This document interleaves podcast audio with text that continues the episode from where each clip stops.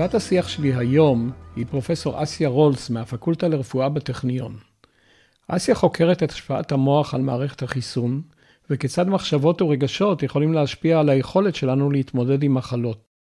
בעבודתה היא משלבת כלים חדשניים מתחומי הביולוגיה המולקולרית, האימונולוגיה וחקר המוח, כדי לפענח את המנגנונים הפיזיולוגיים שעשויים, אם נבין אותם כיאות, להעצים את כוחו של המוח לרפא את שאר הגוף.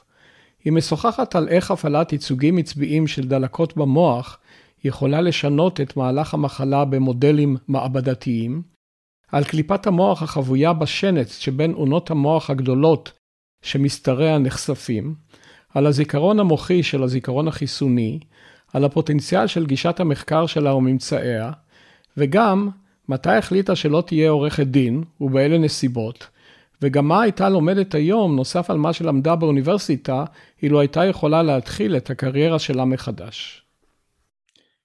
שלום uh, לפרופסור אסיה רולס.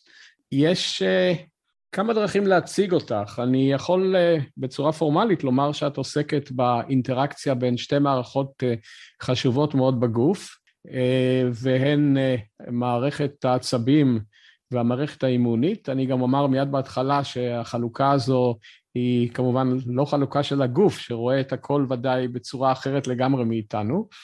אבל כשחשבתי איך להציג אותך, את עזרת לי שלא בכוונה. אה, כי את עומדת לתת אה, הרצאה, אם אינני טועה, בפברואר, במכללת תל חי, במסגרת הפעולות של האקדמיה הלאומית למדעים, לקדם את אה, הידע המדעי לא רק במרכז אלא גם בפריפריה, ופתאום ראיתי פרופסור רולס תקדיש את הרצאתה לקשר שבין מצבנו הנפשי ליכולתנו להתמודד עם מחלות, למסתורי האפקט של תרופת דמה, פלסיבו, אה, נדמה לי שקוראים לזה בעברית אין בו, אבל את תתקני אותי. אין בו. כן. לדעתי יש בו, לפי התוצאות. כן. יש בו הרבה. אה, אה, לקשר שבין חשיבה חיובית למערכת החיסון וליכולתו של הגוף להתמודד עם מחלות וכיוצא באלה נושאים הקשורים לכוחו של המוח לרפא. להגיד לך מה, רק בקריאת הדברים האלה, לדעתנו, אנחנו uh, הכנסנו אפשרויות לאיזה שמונה סוגים של שאלות מרתקות, uh, שוודאי תעניינה את השומע והשומעת, ואנחנו הרי לא נעסוק בכל, בכל השאלות האלה, אם כי ודאי ניגע באחדות מהן, uh, אבל הרעיון שאת uh, למעשה עוסקת בצורה מדעית, מבוססת עובדות, בממשק בין הגוף לנפש, מה שאנחנו קוראים גוף לנפש, אבל בצורה מאוד מיוחדת, שיש לה אפליקציות אה, קליניות, היא אולי אה, אה, גישה נכונה להציג את עבודתך, לפחות מצידי, את תתקני אותי כמובן. במסגרת הזו, אני מבקש ממך, אולי תיקחי אחד הפרויקטים שעסקת בו לאחרונה, ותנסי לתאר אותו, ומתוכו נבין מה הכוונה של הממשק הזה ומה משמעותו. אז קודם כל תודה, ואני...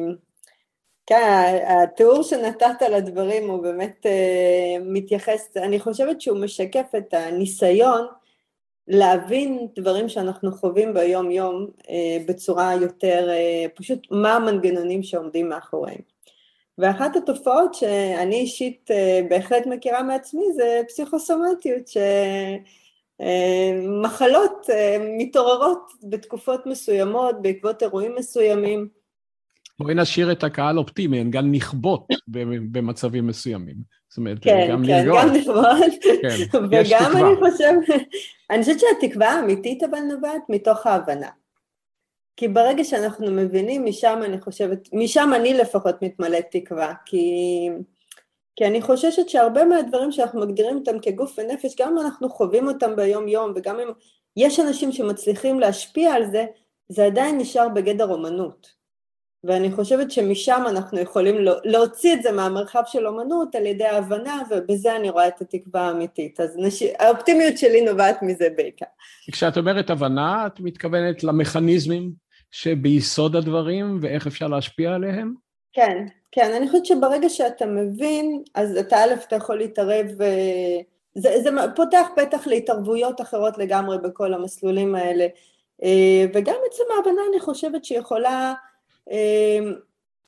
יש בנו הרבה יותר יכולת, זאת אומרת אני חושבת שברגע שאנחנו נבין מעבר להתערבות החיצונית שנוכל לעשות, גם ההתערבות הפנימית היא כזו שפשוט תהיה מונחית על ידי הבנה אה, שהיא הרבה יותר מדעית ומאוששת אני חושבת. האם אני מבין נכון שכשאת אומרת הבנה, את גם מתכוונת לכך שגם בלי ההבנה אנחנו, יש לנו אינטואיציות ואנחנו יודעים גם משיטות לא מדעיות שאפשר להשפיע, ש, שהנפש משפיעה על הגוף והגוף על הנפש, אבל כוונתך אולי גם לאפשרות של הרזולוציה, זאת אומרת שאם נבין נוכל להיכנס בצורה מדויקת.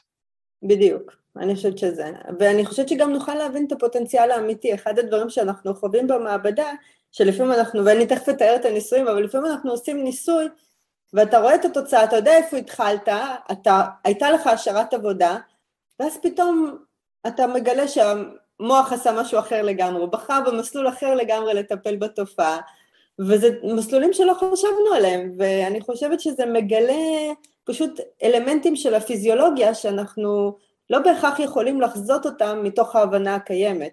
ויש משהו אדיר ביכולת להתבונן, פשוט להתבונן ב... אני חושבת שבמובן מסוים אנחנו נותנים לת... למוח את האפשרות לבטא את הפוטנציאלים שלו על ידי זה שאנחנו מאפיינים אותם, אנחנו יכולים להבין מה, מה האפשרויות, שהן לפעמים שונות ממה שאנחנו יכולים לחזות. אז אולי אני באמת אנסה לתאר רגע את הניסוי הראשון, שאתה לא רומז לכיוון של מאמר מסוים, אני יודעת, עבודה אחרונה, אז בעבודה האחרונה מה שבאמת אני, יצא אני, מה... אני, אני לא רומז, אני אומר רק הנה דוגמה יפה, את אה, יכולה לבחור כל אה, דוגמה אחרת כמובן. אבל הדוגמה הזאת, את יודעת, קרובה לליבי, אנחנו גם ניגע בזה אחר כך, כי מסתתר בה אי המטמון במוח, אבל אנחנו נסביר את זה אחר כך. כן, אז באמת זה, זה גם עבודה שאני מאוד מתרגשת ממנה. כמו כל מדען, מה שאני עושה כרגע זה הדבר הכי מרתק שיש, אז, אז אני שם. אז uh, הנושא שבעצם מה שיצאנו מהרעיון הזה שאיכשהו מחלות מתבטאות בהקשר רגשי, והיו לזה המון עדויות, גם כולנו מכירים אותם, אבל גם עדויות אפילו שהלכו לשנות 1800, רופאים תיארו מצב שאנשים שנגיד, שהם רגישים לאפקנים, אם תראה להם פרח מלאכותי, הם עדיין יגיבו באלרגיה. אבל אין אבקן שם, אין שום דבר שידליק את זה, זאת אומרת איזשהו זיכרון העלה את זה, איזושהי מחשבה העלתה את זה. אה, או כל התחום הזה, יש אה, עוד מדענים שעוד עבדו עם פבלוב בזמנו, יראו שאפשר להתנות את מערכת החיסון, אני יכולה לקחת, לתת אה, איזושהי תרופה שמשפיעה, ב, נגיד מדכאת את מערכת החיסון, לשלב אותה עם סוכר, לתת את זה כמה פעמים ביחד, עד שמספיק שאני אתן את הסוכר המסוים הזה והגוף יגיב ב... בדיכוי חיסוני. זאת אומרת, יש שם ממש זיכרון. אגב, נדמה לי שזה גם עבד בזמנו להפך, זאת אומרת, היה מה שנקרא condition diversion, זאת אומרת שאת קישרת אה, תוצאה לא נוחה עם מערכת החיסון, אבל נשאיר את זה רגע בצד, יותר טוב לחשוב על הדברים החיוביים, כן. החיוביים, נכון. אז אה, אני חושבת שעכשיו, אה, אז, אז מתוך זה ניסינו להבין, אה, זאת אומרת, זה הכל מרמז לכיוון שיש איזשהו סוג של זיכרון חיסוני במוח. והאופן שבו אנחנו היום מדברים על זיכרון חיסוני זה שזה זיכרון שבעצם נמצא בתאי מערכת החיסון, זה הזיכרון ש, שיש לחיסונים, אבל יכול להיות שיש עוד צורה של זיכרון. וזה מה שחיפשנו. אגב, וזה זה כמובן מתקשר לתקופה הקשה שאנחנו נמצאים בה. הזיכרון אה, רגיל שאנחנו מתייחסים אליו, כולם, כל אחד יודע, החל מ... אני חושב מגיל שנתיים, לא יודע, לא, ניקח, בגיל אבל הזיכרון החיסוני הפך באחרונה לנושא פופולרי עד כדי סנטיפיק ידיעות או סנטיפיק מעריב, זאת אומרת... בטח. כן, כן. בדיקות סרולוגיות אנחנו כולנו, כן. נכון, אבל זהו, אותו אנחנו מחפשים בדם, אנחנו מחפשים את הזיכרון החיסוני, כי אנחנו חושבים שהוא יושב רק בתאי של המערכת החיסון, בנוגדנים, בתאי הזיכרון. אבל בעצם יכול להיות שהוא נמצא בעוד מימד, וזה מה שאנחנו חיפשנו. והלכנו, מה ש... אנחנו השתמשנו באיזושהי שיטה שיש אה, עכברים שיש להם מניפולציה גנטית מסוימת שמאפשרת לנו ללכוד אה, תאי הצו שפעילים בזמן נתון. והזמן הנתון שאנחנו בחרנו זה היה בזמן דלקת מעיים. אז מה שקרה ללכוד, זה... ללכוד זה לסמן, או ללכוד זה לבודד אותם, אה, להביא ללכוד, אותם? אני... זהו, ללכוד זאת אומרת זה לסמן, בר... אה, לסמן אותם באיזשהו סמן גנטי שמאפשר לנו לעשות איתו דברים. אנחנו יכולים בשיטה הזאת לסמן אותם שנוכל לראות אותם פלורסנטית, או שנוכל לשלוט בהם, בפעילות שלהם, וזה מה שעשינו. פלורסנטי זה זוהר, כן. אבל זה כזה שאנחנו יכולים לעקוב אחריו במיקרוסקופ. אז מה שעשינו זה, יצרנו דלקת מעיים, והתחלנו מדלקות מעיים כי הן באמת נקשרות אה, מאוד ל... ההתפרצות של הרבה מאוד דלקות מעיים ובכלל בעיות מעיים היא הרבה פעמים נקשרת למצבים רגשיים ובכלל הקיבה היא אזור מאוד מאוד פעיל מבחינה עצבית. אז מה שעשינו, יצרנו דלקת מעיים שהיא מודל של אה, קרונס במידה מסוימת, עד כמה שמודלים הם המודלים אצלנו, לקדנו את, ובזמן דלקת המעיים הזאת לקדנו תאים במוח שהיו פעילים בזמן הדלקת. רק, רק להבהיר, מחלת קרון, מודל של מחלת קרון בבני אדם? כן, זה, זה מודל עכברי למחלה. זאת אומרת, יש פה דלקת מעיים שנמצאת ב, ב, באזור מסוים של המעי, ואנחנו יצרנו את הדלקת הזאת בצורה כימית, אבל, אבל תפסנו, לקדנו את הנוירונים במוח שהיו פעילים בזמן דלקת המעיים הזאת. ואחר כך, אחרי שהם הבריאו לגמרי מהמחלה, אנחנו בסך הכל, בגלל המניפולציה הגנטית הזאת, יכולנו להפעיל מחדש את אותם נוירונים שהיו פעילים בזמן דלקת המעיים, הפעלנו אותם, ואז קיבלנו את דלקת המעיים מחדש. זאת, זאת אומרת, אומרת רק, רק להבין, כי זה ממצא אה, מבחינתי די מדהים מכנית. אה, אה, יש לך איזושהי רפרזנטציה, איזשהו ייצוג של דלקת המעיים במוח, אה, הדלקת חולפת, אבל הייצוג נשאר במוח, ואת יכולה להפעיל במתגים און and off, במקרה הזה און, את הדלקת במעי רק על ידי הפעלת תאי המוח? בדיוק. זה קצת, אבל למה שזה יהיה שונה, כמו שיש זיכרון של פחד ואחר כך אתה מגיב בפחד? למה שגם מערכת החיסון לא תגיב אותו דבר בהתאם לתנאים? זאת אומרת, בצורה פשטנית, יש לך זיכרון של מחלה, ואת, אה, אה, תקני אותי, את אה, חושבת עליה יותר מדי, וסימני המחלה עלולים להופיע. איזשהו טריגר, נכון, ואת זה אני לא יודעת מה הטריגר, כי עיקרון מה שזה מעיד שכן, יש, יכול להיות טריגר מסוים שיפעיל את המחלה, את הזיכרון הזה, והיא עצמה תוכל, והזיכרון הזה ישפעל וישחזר בעצם את המחלה המקורית. בזיכרון אה, רגיל במוח יש אה, תקופה מיד לאחר יצירתו שבו אפשר לבטל את הזיכרון. אה, אנחנו קוראים לזה תקופת ההבשלה או קונסולידציה. האם גם בזיכרון כזה, או את יכולה לומר שזה עדיין לא ידוע, אבל האם גם בזיכרון כזה יש תקופה מיד לאחר רכישת הזיכרון של המחלה שאפשר לבטל אותה? שאלה מעולה, אני לא יודעת, באמת לא ידוע. אז אה, זה תחום מאוד מעניין, אני בטח, אני עוד התעסקתי בזה גם בפוסט שלי, על מחיקת זיכרונות בדיוק כאלה, כן, כן. ועל ההפרעה לתקופה הזאת. ו, וכמובן שזה מה, מהשאלות האלה שאתה מת לבדוק עכשיו, אבל זה עוד גדול, זה כל כך התחלתי. אבל ש... זה יבוא. זה יבוא, כן. אנחנו עדיין בתקופת, בתקופת ההבשלה של הפרויקט. כן, בדיוק. אנחנו בשלב שאנחנו מתחילים לזהות מה השאלות. זאת אומרת, אה, אתם הצלחתם להראות שיש אה, זיכרון של מחלה, אה, יש ייצוג שלה במוח, אתם יכולים להפעיל את הזיכרון הזה, ואני מניח שאתם מקווים גם בעתיד אולי למחוק אותו בצורה כלשהי, וזה משמש להראות שמערכת העצבים מפעילה את המערכת הדלקתית. איך זה נעשה? אז זהו, הצלחנו למפות בצורה, במידה מסוימת, זאת אומרת, הצלחנו על ידי שיטה, ב, הרי וירוס rabies, זה הווירוס של הכלבת. נגיף הכלבת, ש... כן. אז אם אנשים נדבקים בו נגיד בנשיכה, אחר כך התופעה היא שיגעון, מה שרואים זה את השיגעון הזה, שבעצם הוא תוצאה שהווירוס הזה הוא נודד כלפי מעלה דרך אה, מהצו אחד לצו שני, חודר למוח ושם הוא משפיע. אז היום אנחנו משתמשים בפוטנציאל הזה של הווירוס הזה לקפוץ ולעלות עד למוח, רק כך שאנחנו יכולים לסמן מסלולים שבהם תאי הצו עוברים. הווירוס, אני מקווה, ו... מוחלש. כמובן, כמובן. כן. רק משתמשים בפוטנציאל שלו, ומה שאנחנו עוד עושים זה גורמים לכך שהווירוס הזה יהיה לו סמן גנטי, סמן פלורוסנטי, סליחה, עוד פעם, צבע, ש, שנוכל עוד פעם לצבוע את זה. ואז אנחנו מזריקים את זה למעי, ומהמעי אנחנו מסתכלים לאן זה מגיע במוח, ובאופן די מדהים זה מגיע לאותם תאי הצו שגם סומנו לנו או נלכדו בזמן דלקת המעיים. זאת איפה אומרת... איפה זה במוח? באזור האינסולה. אז זהו, זה, זה, זה כדאי אולי להבהיר לשומעים. יש אזורים במוח שהם ידועים, אני חושב, היום כמעט לכל ילד, או לפחות uh, קוראים עליהם. Uh, המוח הקדמי, קדמת המוח, אפילו, את יודעת, אפילו מונחים היפוקמפוס ואמיגדלה, כבר אפשר למצוא אותם בטוויטר, uh, לא בין מדענים.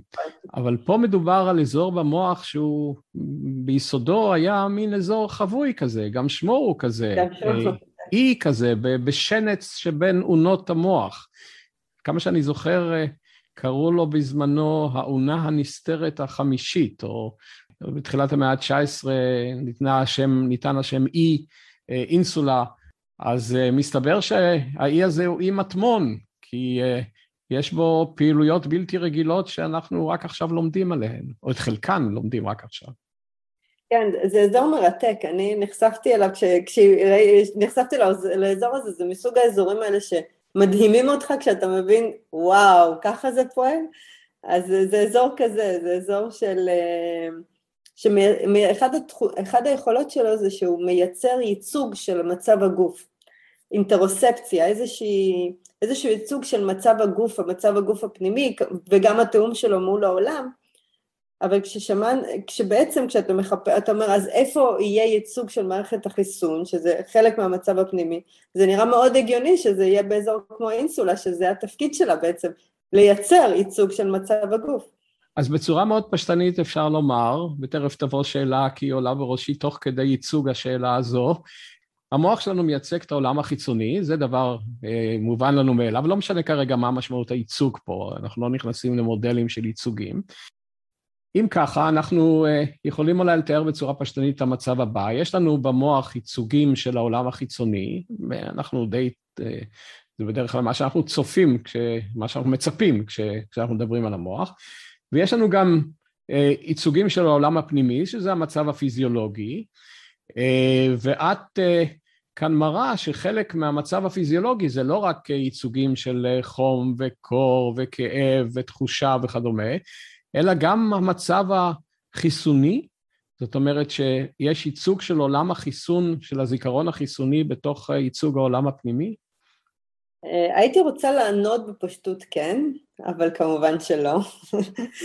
אני לא יודעת מה בדיוק מיוצג שם, ואני חושבת שצריך להבין שבעצם יכול להיות שהמוח מייצג את המצב של מערכת החיסון, אבל יכול להיות שהתוצאה שאנחנו רואים של השינוי במערכת החיסון הוא בגלל שהמוח מייצג את מצב הרקמה, את ה... בדיוק את הדברים האחרים שציינת, ומתוכם הוא מייצר את התגובה החיסונית המסוימת הזאת. אז בצורה פשטנית כנראה שכן, יש שם מידע מסוים על מערכת החיסון, ואנחנו גם יודעים ממחקרים שנעשו ב-FMRI, שאנשים שיש להם פעילות דלקתית... בהדמיה מגנטית תפקודית. כן. נכון, בהדמיה מגנטית תפקודית. של המוח, כן. שבאמת רואים שכשיש פעילות מוגברת של מערכת החיסון, דלקות, אז האזור הזה פעיל יותר. אבל שוב פעם, אנחנו לא יודעים למה, כי יכול להיות ש... אנחנו לא יודעים מה הוא מייצג שם עדיין, וזה אחת השאלות הכי מעניינות, מה מיוצג שם. אנחנו רק יודעים שזה חלקים מהעולם הפנימי, אבל אנחנו לא יודעים את טיב המידע המיוצג. את סוג המידע. המידע. בסוג המידע, בדיוק. אני חושבת שאנחנו פשוט... אה, ואגב, כאב זה חלק מתגוב, ממה שתמיד מלווה תגובה חיסונית. זה, זה הכל מדדים שיכולים להיות אה, מאוד רלוונטיים ל, בעצם אה, לייצוג פנימי, ומערכת החיסון היא פשוט חלק, היא יכולה להיות מדד מסוים. כנראה על סמך עדויות אחרות שיש לנו, שכנראה כן יש ממש ייצוג של דברים שקשורים במערכת החיסון, אבל אני אהיה זהירה אם להגיד שממש התגובה החיסונית מיוצגת. אבל לפחות אפשר לומר שיש אה, הסתברות מסוימת שיש לא רק זיכרון חיסוני, אלא יש גם זיכרון של זיכרון חיסוני? כן, זה בדיוק, זאת ההגדרה. אני חושבת שזה סוג של זיכרון חיסוני שמיוצג על ידי תאי הצו, כן. זיכרון של זיכרון חיסוני, מעולה.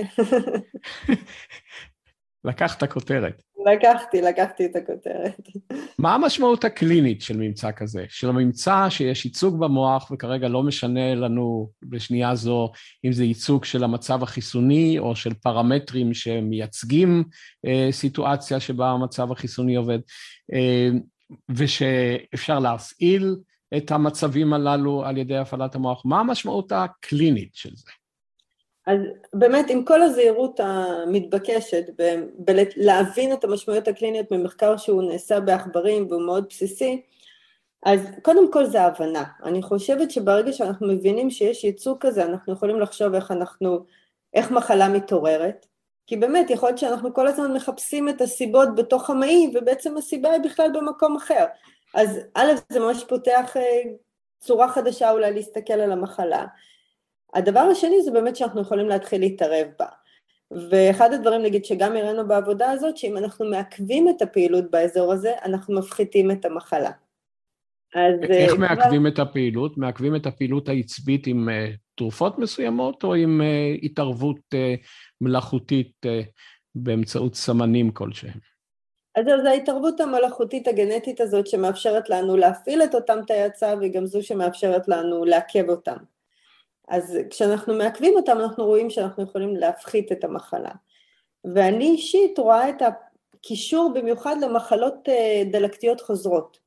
כי באמת בהם יש איזשהו, הרבה פעמים כשאתה מדבר עם החולים הם מדברים על איזשהו טריגר רגשי שהתחיל להם את החזרה, את ה, החזיר להם את המחלה, את האפיזודה החדשה של המחלה, ויכול להיות שאחד הדברים, שאני לא יודעת מה הטריגר, זה יכול להיות רגשי, זה יכול להיות משהו פיזי שאחר כך מתפרש כרגשי, אבל יכול להיות שבאמת המוח מפעיל את התגובה שנקשרת לו לפעם הקודמת שחווינו את זה, אה, ואז מעורר מחדש את התגובה החיסונית. אני חושבת שבמקור זה כנראה מנגנון שנועד למשהו טוב, כי אם אתה, אה, אם הייתה לך איזושהי טראומה, כן, אה, ו...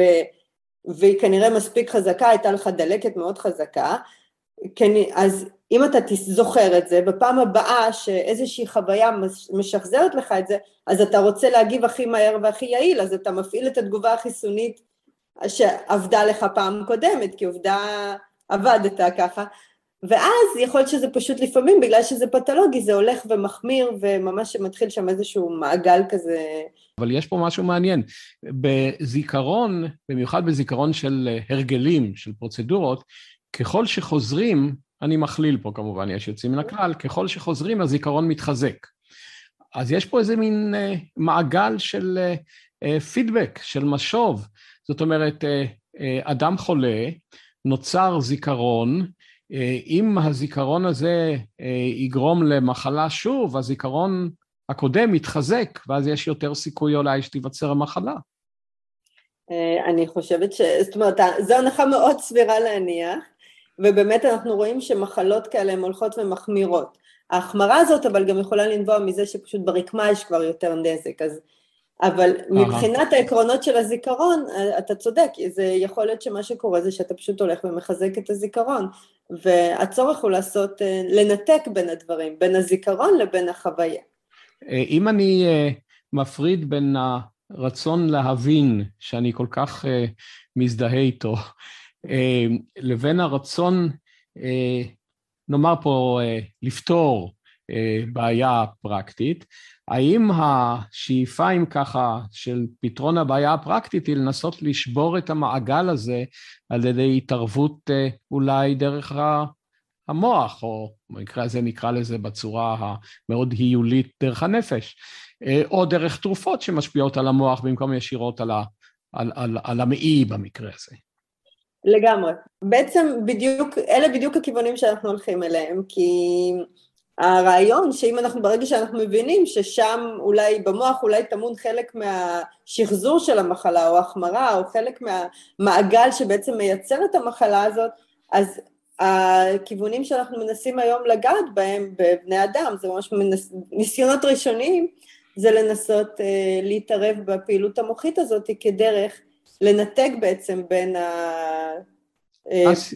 מההפעלה הזאת הנוספת. אסיה, יבוא, יבוא מישהו ויאמר, אם ככה, מכיוון שהמוח משפיע על המחלה, ואת יכולה בעזרת שינויים התנהגותיים להשפיע על מצ... הייצוגיות של המוח לגבי נתון מסוים, אז אולי גם אחת הדרכים לטפל במחלות כאלה היא לאו דווקא על ידי מעורבות אה, כימית, אלא על ידי אה, אה, נניח טיפול פסיכולוגי מכוון מטרה. יכול להיות. יכול להיות בהחלט, אני חושבת שזה זה, זה הכוח של הידע, של ההבנה, כן. לכאן, לכאן הוליך, לכאן, זו כוונתך כשאת אומרת הבנה. כן. האם ממחקרים מהסוג הזה אפשר להסיק גם אה, על המשמעות של אפקט אנבו או פלסיבו, ו- וגם אולי תאמרי משהו על האפקט הזה, כי אה, אנשים לא כל כך ערים לעובדה, אני לא יודע אף פעם אם זה טוב להדגיש את זה או לא, אה, כמה הוא חזק. אז אולי תגדירי מהו האפקט, אה, ו- ותאמרי עליו כמה מילים, כי זה נושא מרתק. נושא הפלסבו הוא נושא שאותי אישית הוא מאוד מרתק, כי זה... אנשים, אה, בחמישים השנה האחרונות, אנחנו כל פעם שיש אה, ניסוי קליני, אנחנו חייבים לוודא מה מידת היעילות של החומר הפעיל שאנחנו נותנים, החומר הפרמקולוגי. לכן אנחנו תמיד צריכים לקיים קבוצה נוספת, להכיל בניסוי הקליני קבוצה נוספת, שמקבלת טיפול דמה. אה, וזה יכול להיות כדור שנראה אותו דבר כמו הכדור שנותנים כחלק מהטיפול, עד לרמה שאפילו ניתוח דמה, שבשביל להראות עד כמה, מה, מה באמת בטיפול שלנו יעיל. עם הרדמת דמה? הרדמת דמה, אתה יכול לעשות הכל בדמה. אה, ומה שמדהים זה עד כמה הדמה עובד. הדמה, הרבה פעמים מה שקורה שאנחנו מקבלים שבקבוצת הדמה אנשים שקיבלו טיפול אה, כדור שהוא בעצם כדור סוכר, רק נראה אותו דבר כמו הכדור השני, אה, משתפרים וזה לא שיפור מינורי, זה לא משהו שאפשר להתעלם ממנו, זה למעשה, יש לזה אפקטים שמגיעים גם ל-30 אחוז אה, יעילות, שיש הרבה תרופות, הרבה חברות תרופות היו מאוד שמחות לקבל כזה, כזה אפקט, כזה אגב, יעילות. אגב, יש, יש קבוצה נוספת, אני מקווה, שלא מקבלת כלום. זה תלוי לא... בניסוי הקליני, אבל אה, בעיקרון היא לא תהיה ביקורת מספקת, הביקורת שלך נכון. צריכה, אתה צריך לבקר ל... לציפייה הזאת, לתקווה, להמון מדדים. משתנה אחד. זה אגב, תוצ... זו אגב תוצאה שבאמת, כמו שהזכרת, חברות התרופות היו רוצות להשיג אותה, אבל גם חברות התרופות לפעמים היו רוצות להחביא אותה מתחת לשטיח. אמ, נכון, ואני אגיד לך שיש תחומים שבהם זה מאוד מאוד חזק, נגיד בתחום הכאב. זה אגב לא עובד על כל אחד ולא בכל מחלה, אבל נגיד בתחום הכאב זה מאוד חזק, עד לכדי כך שבשנים האחרונות תרופות כמעט לא מצליחות לעבור, לקבל אישור של ה-FDA, של רשות התרופות האמריקאית, בגלל שהן פשוט לא הרבה יותר יעילות מהפלסבו, מקבוצת הדמה הזאת. אסיה, זה, גם, זה גם עובד על חיסונים? על חיסונים, מה שראו עכשיו זה נורא מעניין, שתופעות הלוואי של חיסונים בקבוצת הפלסבו ובקבוצה של אלה שקיבלו את החיסון הם הרבה מאוד מאוד דומים. ואז, וזה בעצם אה, כל הנושא בו שדיברת עליו, שאתה מצפ... באותה מידה שאתה מצפה שהטיפול יעזור, אתה גם מצפה שיהיה איזשהו נזק שילווה נגיד לחיסון. ואנשים מפתחים תופעות לוואי. לכן לא כדאי אה, לדעתי לקרוא את הנייר ההסבר שמונח בתוך קופסת תרופות, כי אם את קוראת אפילו מה נניח יעשה אקמול, לדעתי חלק מהאוכלוסייה מקבלת תופעות הלוואי רק מקריאת הנייר. בהחלט. מה התרומה שלכם למחקר הפלסיבו? אז ניסינו, אני חושבת שכל הגישה המדעית שלנו היא כזו שמנסה לפרק את התופעות הפסיכולוגיות המורכבות האלה למשמעות המוחית שלהם. כי בעצם בפלסבו אחד המדדים הכי מרכזיים זה ציפייה חיובית. וישנו אזור במוח שמופעל כשיש ציפייה חיובית. אז אמרנו, רגע, אז בואו נפעיל את האזור הזה שיש בו ציפייה חיובית, ונראה איך זה משנה את הפיזיולוגיה, את היכולת של הגוף להתמודד עם מחלות. וראינו שזה מאוד משפיע על מערכת החיסון. מערכת החיסון אחרי ההפעלה של, של המערכת המוחית שקשורה בציפייה חיובית. שהיא איפה? על... שהיא נמצאת היכן? זו מערכת, היא מערכת עמוקה, היא מערכת עתיקה, היא לימבית, היא ממש במרכז המוח. היא מערכת, אנחנו מדברים על מערכת התגמול, שזו מערכת כן. שמאופיינת בנוירונים שמפרישים דופמין. ואחד הדברים שאנחנו רואים שכשאנחנו מפעילים אותם ישירות, ובשיטות הגנטיות שאנחנו מצליחים להפעיל אותם נקודתית, אנחנו רואים אפקט סיבתי של שינוי במערכת החיסון, כזה שגורם לתאי מערכת החיסון להיות הרבה יותר יעילים בלחסל חיידקים, ודבר נוסף, וזו הייתה תוצאה, שהדהימה אותנו, שאנחנו ראינו השפעה של זה על אה, גידולים סרטניים, זאת אומרת, לקחנו עכברים שהפעלנו להם את מערכת התגמול הזאת יום יום במערכ... בזמן שגדל אצלם גידול, וגודל הגידול ירד ב-40 אחוז. האם יש, תרופות, האם יש תרופות שיכולות uh, לעודד את המערכת הזו בלי ש... אם, אם, אם לאדם אין כוח נפשי לעודד אותה בכוחות עצמו? זו שאלה מאוד טובה, האם תרופות, כי מצד אחד אתה אומר, אגב, הרבה מאוד סמים עובדים על המערכת הזו, מערכת התגמול, שזה חלק מהמרחב שלה, ובגלל שהיא דופמין, אז אתה, יכול להיות שאפשר להשתמש בתרופות כמו אלדופה שמשמשות לפרקינסון, שאגב, בפרקינסון יש את אפקט הפלסבו מהגבוהים ביותר שיש. שפירושו?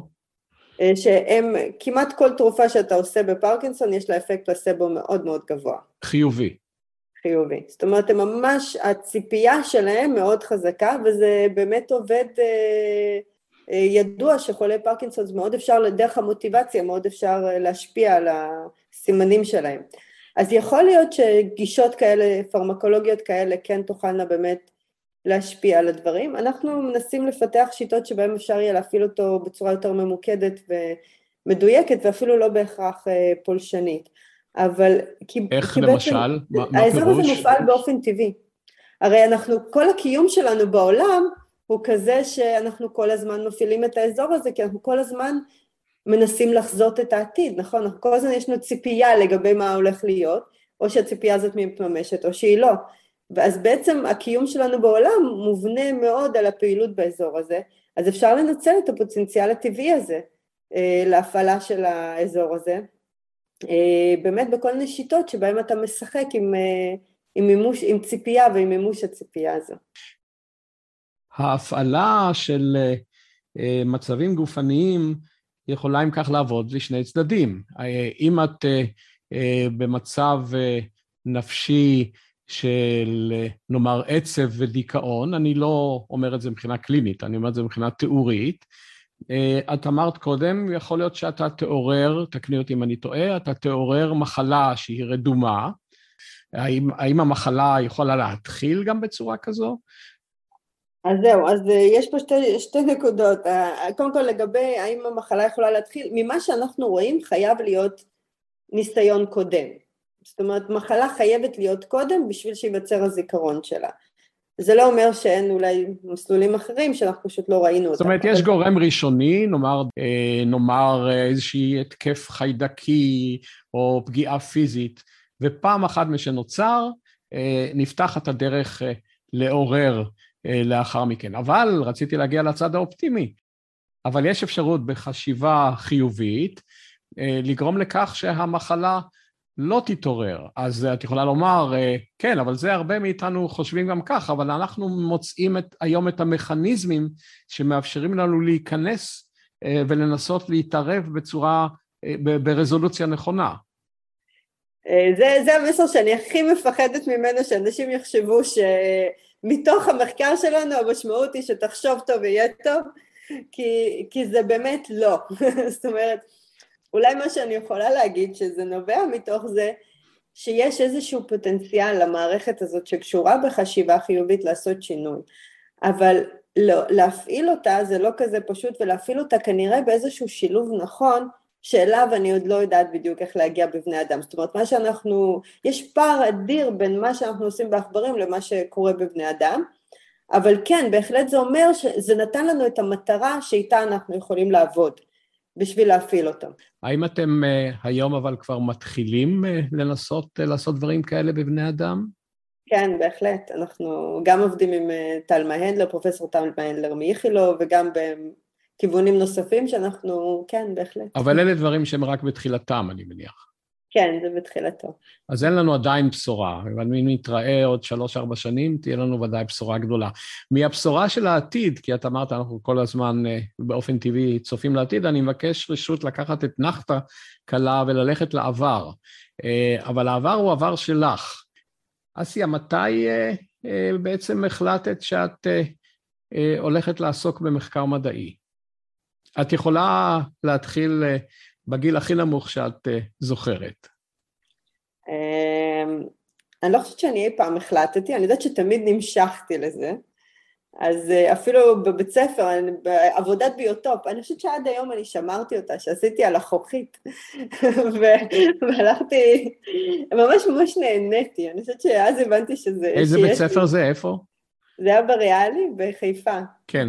כן. אז ממש ממש נהניתי, אני חיפשתי, אני חושבת שאני מסת... תמיד התבוננתי על הטבע בסוג של התפלאות. איזה כיתה זה ביוטופ? אה, אני כבר לא זוכר את הדברים האלה. זה לא היה ביוטופ אפילו, זה היה עבודת, אה, עבודה בשיעור טבע כזה, אני זוכרת את המורה שרה, כן. ביסודי? זה היה בשיעור טבע, ביסודי. ביסודי, כן. כן, כן, בכיתה... ונהנית מזה. מאוד נהניתי, כן, זה מאוד שם היה אצלי, אבל אני חשבתי שאני צריכה להיות עורכת דין. כי יש להם בגדים יפים כאלה ותיקים יפים, אז זה נראה לי כמו...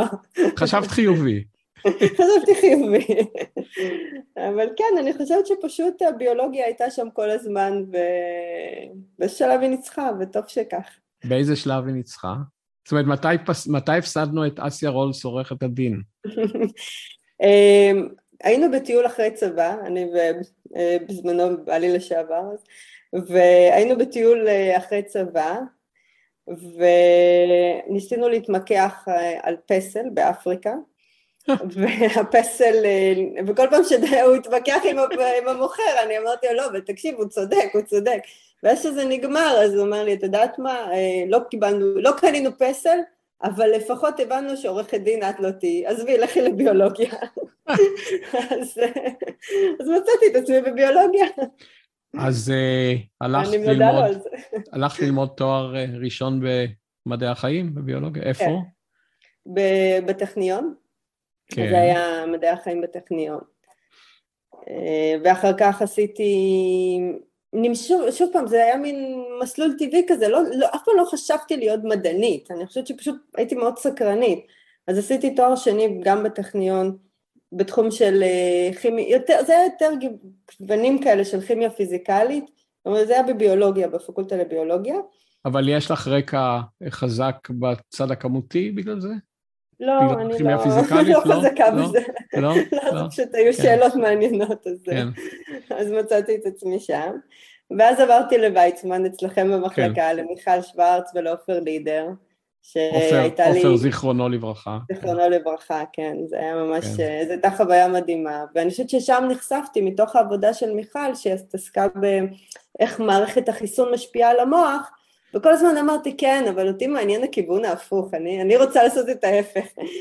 אז, אז הבנתי שאני רוצה את, לעשות את הקפיצה, אבל זה נראה לי קצת, אתה יודע, רפואה, זה לא באמת מדע, ולמה אני הולכת לעשות, ו, והבנתי שאני צריכה להבין יותר את המוח, אז נסעתי לפוסט דוקטורט בסטנפורד, והייתי שם עם קרייג הלר ולואיס דה לסאה שהם חוקרי שינה.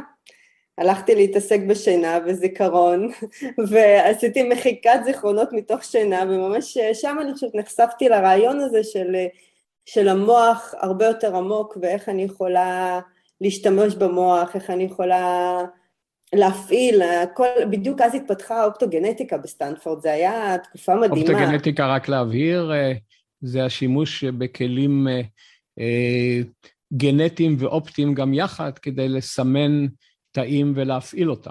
אה, כן. להפעיל מתגים של on ו off, כן. זה אני חושבת הקפיצה הגדולה שהייתה בעשור האחרון, או כבר זה שני עשורים בחקר המוח, שפשוט פתאום יכלנו להפעיל תאי הצו מסוימים בצורה מאוד מדויקת, ממש עם שלט רחוק, וזה אפשר להתחיל אה, לקבוע סיבתיות, מה עושה האזור הזה, מה עושה האזור הזה, ויום אחד אני זוכרת ישבתי שם בסטנפורד, אמרתי רגע, אני בעצם יכולה לשאול את השאלות שרציתי, ופתאום זה...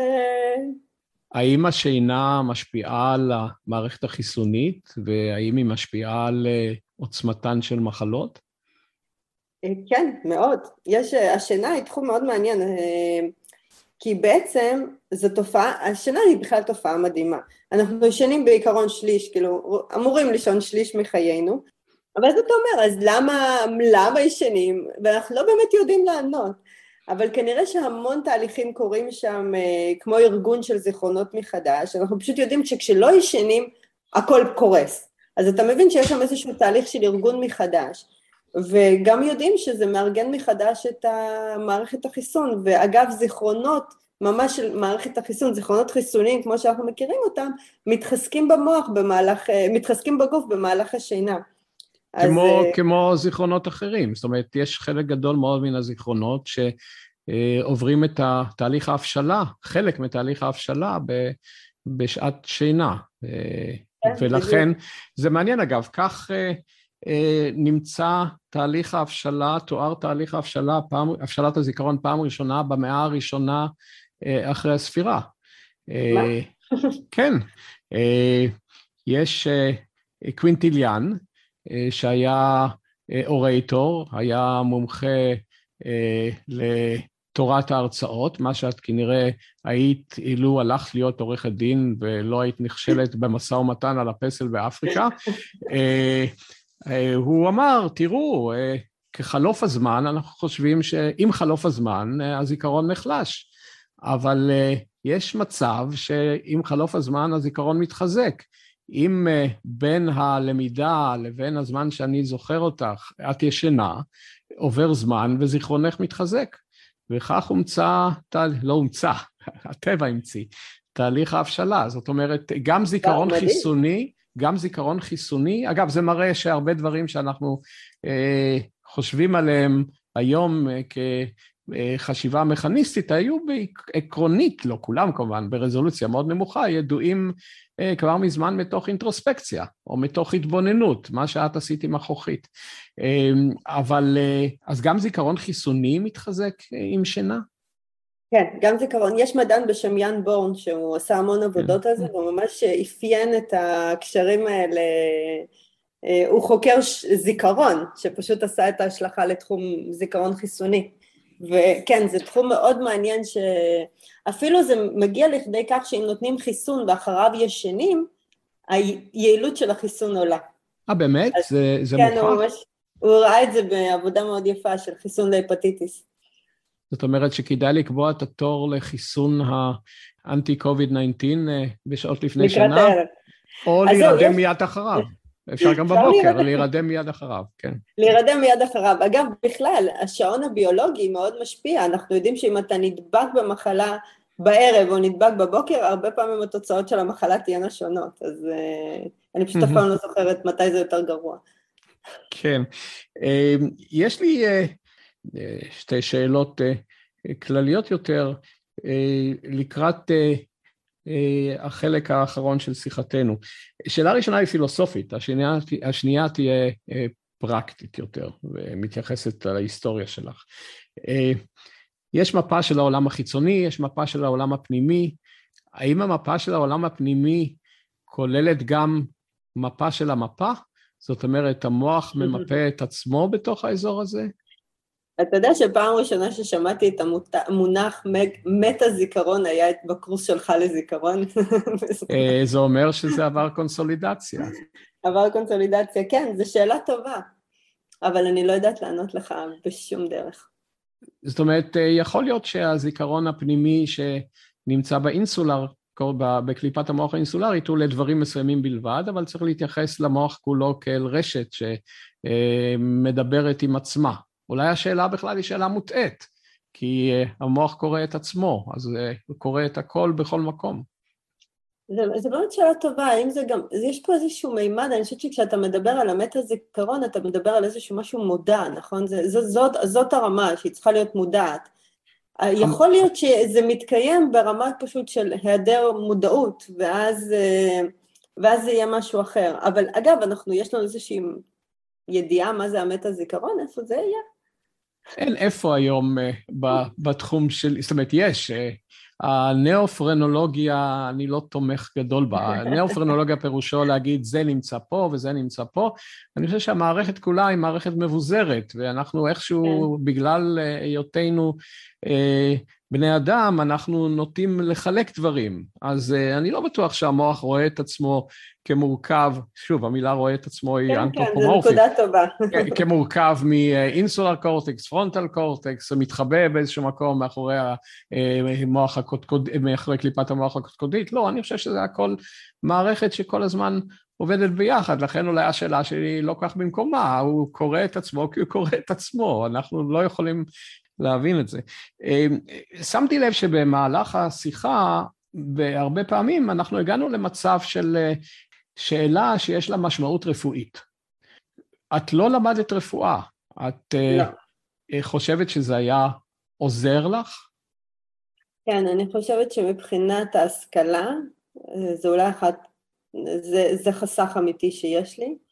אמ, אני, יש לי, אני מאוד שמחה שהסטודנטים שלי, הרבה מהסטודנטים שלי הם סטודנטים לרפואה, אז אה, אני מרגישה שדרכם, ויש לי גם שותף מדהים למעבדה, פאיד חכים, שהוא מנהל בית חולים, והוא כל פעם שהוא מגיע ופתאום הוא פשוט שופך תובנות, וזה נורא כיף, אז אני חושבת שזו השכלה שמאוד חסרה לי. ביום יום אני מרגישה אותה. זה מוביל אותנו לנושא שהוא נושא שהוא די נדון עכשיו אה, במקומות שונים בארץ, כולל באקדמיה הלאומית למדעים, אה, והוא הנושא של שילוב בין רפואה למחקר, מה שאנחנו קוראים רופא חוקר. רופא עוסק בקליניקה, כמות הזמן, אני מניח שהוא יכול להקדיש למחקר היא קטנה, בדרך כלל. צריך למצוא שיטות לאפשר יותר. מצד שני, מדען שעוסק בתחומים רפואיים, אה, יש איזשהו, איזושהי תקרת זכוכית שהוא לא יכול לעבור אותה ללא הידע הרפואי. אז אם אני אנסה אה, לחשוב במונחים שלך, ואם הייתי עכשיו שואל את השאלה האחרת, ואומר, אה, במהלך הקריירה שלך, מה את חושבת היית עושה היום אחרת כדי לטפל בצורה שהיא, ואת עושה את זה נפלא גם כך, אבל לטפל בצורה עוד יותר נפלאה בנושאים שמעניינים אותך, מה היית לומדת? אני חושבת שרפואה, כן. היית רפואה. מתחילה ברפואה. אבל אני, כן, להתחיל ברפואה, ואני אני לא חושבת שאני דמות שמתאימה להיות רופאה, אה, אבל אה, אני חושבת מה פירוש? זה דורש משהו שאני לא חושבת שיש לי. אני מונעת, אה, סבתא שלי, זיכרונה לברכה, הייתה רופאה, ואני ראיתי מה זה רופאה ש... הפשן הזה לעזור, הרצון הזה, הרפ... היא הייתה מונעת ממקום מאוד שונה, ואני גם רואה את זה עם פייד. אני, אני מונעת מסקרנות, אני לא יכולה להגיד ש... אולי לא נעים להגיד, אבל אין, אין בי כנראה את הטוב לב הראוי הזה, או אני לא יודעת מה זה, יש אצל רופאים, שגורם להם... תחשבי חיובית. אה, תחשבי חיובית, תחשבי חיובית. אולי טוב לחולים שאני לא הרופאה שלהם, אבל... Uh, אני לגמרי, אני חושבת שהמניע שלי הוא פשוט שונה מזה של, שצריך אצל רופא, כמו שאני מדמיינת רופא, אבל השילוב, זאת אומרת מבחינת ההשכלה, אני חושבת שההשכלה הזאת הייתה יכולה לשנות מאוד את מרחב האפשרויות שלה, זאת אומרת הייתה יכולה להרחיב אותם פשוט. אז את רואה לנגד עינייך גם את האפשרות של מסלול רפואה, שבסיומו המסיימים, אה, למרות שוודאי יקבלו רישיון, כי אחרת זה לא עובד, אה, לא יעסקו ברפואה, אלא ילכו ויעסקו במחקר כשיש להם את הידע. אה, אנחנו מכירים אנשים כאלה שסיימו רפואה, MDs, עסקו ברפואה אולי במסגרת הצבאית, במסגרת העתודה וכדומה, אבל uh, הם אינם עוסקים בעבודה קלינית. אחד, uh, אגב, אני לא יכול להתאפק ממנו לומר שאחד מחתני פרס נובל, שאני מכיר היטב, ולא אזכיר את שמו, לא בארץ, לא בארץ, uh, uh, פתח פעם את ההרצאה ואמר, uh, uh, יש לי MD, uh, אבל אפילו במחלקה לפתולוגיה לא נתנו לי לעבוד.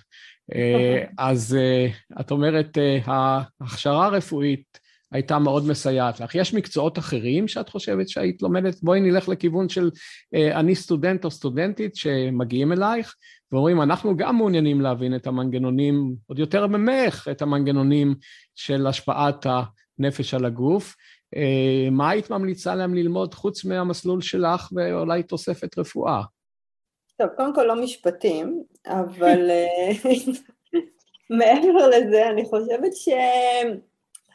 כל, אני חושבת שכל המחקר וכל הרפואה הולכים לעבור שינוי דרסטי עם הכניסה של הטכנולוגיות, אה, ובעצם כל היכולות של אה, המחשבה ה-AI, כאילו בעצם כל התובנה... אה, תובנה מלאכותית.